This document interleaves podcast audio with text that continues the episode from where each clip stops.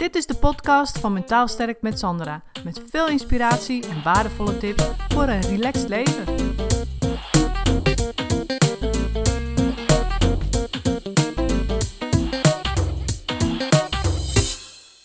Ik zat van de week zat ik, eh, de Max Masterclass te kijken. En dat is op NPO 1 en die wordt gegeven door uh, Erik Scherder, heet hij geloof ik. En dat is een uh, hoogleraar neuropsychologie. En die uh, vertelt dus over de werking van de hersenen. Nou, ik vind het heel goed dat hij dat doet. En wat hij vooral doet, en dat vind ik echt heel belangrijk, is dat hij dus laat zien dat de hersenen veel meer zijn dan alleen maar dat reptiele brein. Weet je, waar iedereen het over heeft. Als je op online kijkt, of misschien webinars van coaches of, of andere dingen of online dingen, dan het valt mij in ieder geval op dat heel veel het hebben over het reptiele brein. En dan denk ik dat is zo'n term, die is maar gewoon een beetje zo uh, overgenomen. Beetje, iedereen neemt die term over. Maar ja, waar gaat het nou eigenlijk over? Weten ze wel waar ze het nou echt precies over hebben?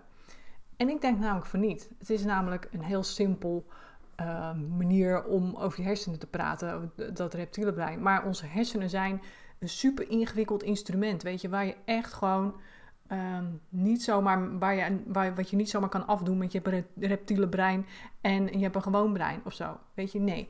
Het gaat veel verder dan dat. En daarom is het zo belangrijk dat je dus um, ook beseft dat je niet, dat je brein niet alleen maar meer is dan alleen je reptiele brein. En hij legde dat heel mooi uit.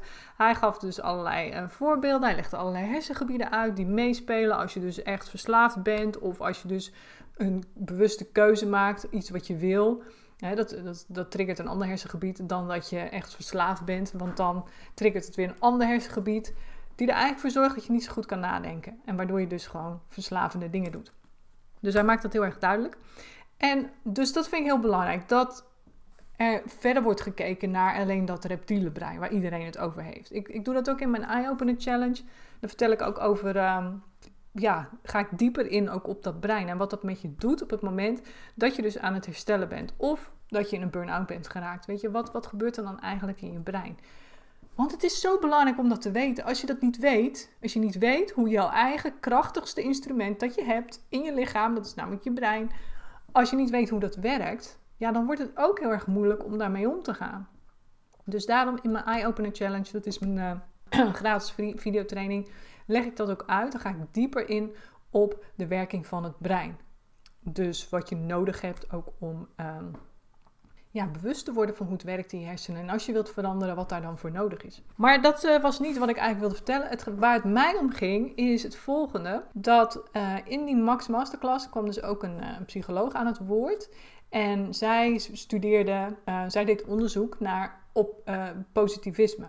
Zij deed onderzoek naar positivisme. En ze zei dus, ze liet allerlei voorbeelden zien van het onderzoek wat ze deed, maar ze zei dus uiteindelijk op het moment dat mensen zich niet goed voelen en hoe kun je nou werken aan positivisme en um, zij zei uiteindelijk kwam het op neer dat ze zei je kunt dat doen, het werken aan positivisme, dus aan positief zijn door um, dankbaarheid, te kijken naar dankbaarheid, waar ben ik dankbaar voor. Act, acts of kindness, zei ze, dus iets voor een ander doen. En ja, volgens mij was de derde iets van positieve affirmaties of andere gedachten hebben. Toen zei ze, en als dat niet werkt, dus die drie dingen, dus dankbaarheid, acts of kindness, positieve affirmaties of andere gedachten, dan moet je iets anders doen. En toen hield het filmpje op. Toen ging die hoogleraar neuropsychologie ging weer verder met zijn verhaal. Die ging vertellen waar dan die, die getriggerd werden en zo. En toen dacht ik, kijk, dit is wat ik bedoel. Want zij zei, als dat niet werkt, dus dat positivisme bij jezelf stimuleren, door die drie dingen, en je kunt nog veel meer andere dingen doen, maar dan moet je iets anders doen als het niet werkt. En toen dacht ik, ja, en nu wordt dus niet verteld wat je dus anders kunt doen. En dat is waar ik in de picture kom, want dat is dus wat ik bedoel. Weet je, positivisme kan heel erg helpen, want ze vertelde ook van ja, als mensen in hun... Uh, vanuit hun genen, dus, dus echt um, vanuit hun genen uh, ja, depressie of angst of, uh, angst of depressie aanleg hebben voor angst of depressie in hun genen. Um, dan wordt het veel moeilijker om positief te zijn. Als je dan ook nog allerlei nare levensgebeurtenissen hebt, dan wordt het moeilijker om positief te zijn. Sommige mensen hebben dat niet in hun genen. Voor die mensen is het dus van nature makkelijker om positief te zijn.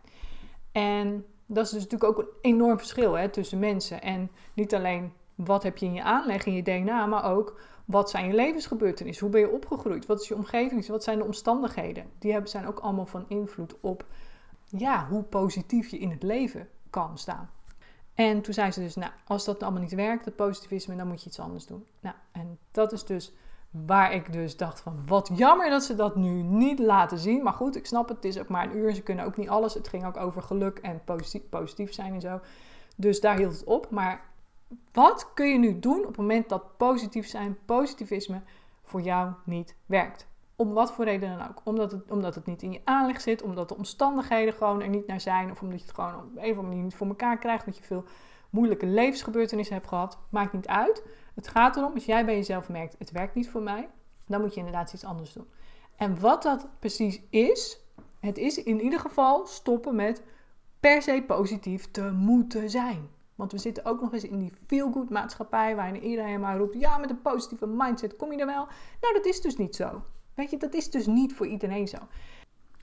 En als jij nu zit te luisteren en je zegt: ja, het klopt, het lukt me niet om het vol te houden, of het lukt me überhaupt niet, of uh, het helpt me nu niet in deze situatie waarin ik in, waar ik nu in zit, dan is het zaak om echt te stoppen met per se positief te moeten zijn. En waarom? Er zijn drie redenen voor. En die drie redenen die leg ik je uit in mijn nieuwste trainingsvideo. Die is nu nog gratis. En um, de link daarvoor kun je in mijn bio vinden. En het is eigenlijk ook een soort masterclass. Oh, maar dan over stoppen met positief zijn. Dus waarom je beter kunt stoppen met positief te zijn. En wat je dus wel kunt doen op het moment dat positivisme voor jou niet lukt. Dat zijn zes stappen. Dat zijn zes bevrijdende inzichten die ik ook met je deel, die alles in je leven ook makkelijker maken. Dus ik vertel je niet alleen waarom je beter kunt stoppen met positief te zijn, wat de redenen daarvoor zijn, maar ik vertel je ook wat je wel kunt doen. Eh, om alles in je leven uh, makkelijker, lichter, draaglijker en luchtiger te maken. Dus niet per se super positief, maar wel makkelijker. Want dat wil je natuurlijk. Je wil dat het allemaal makkelijker en luchtiger wordt.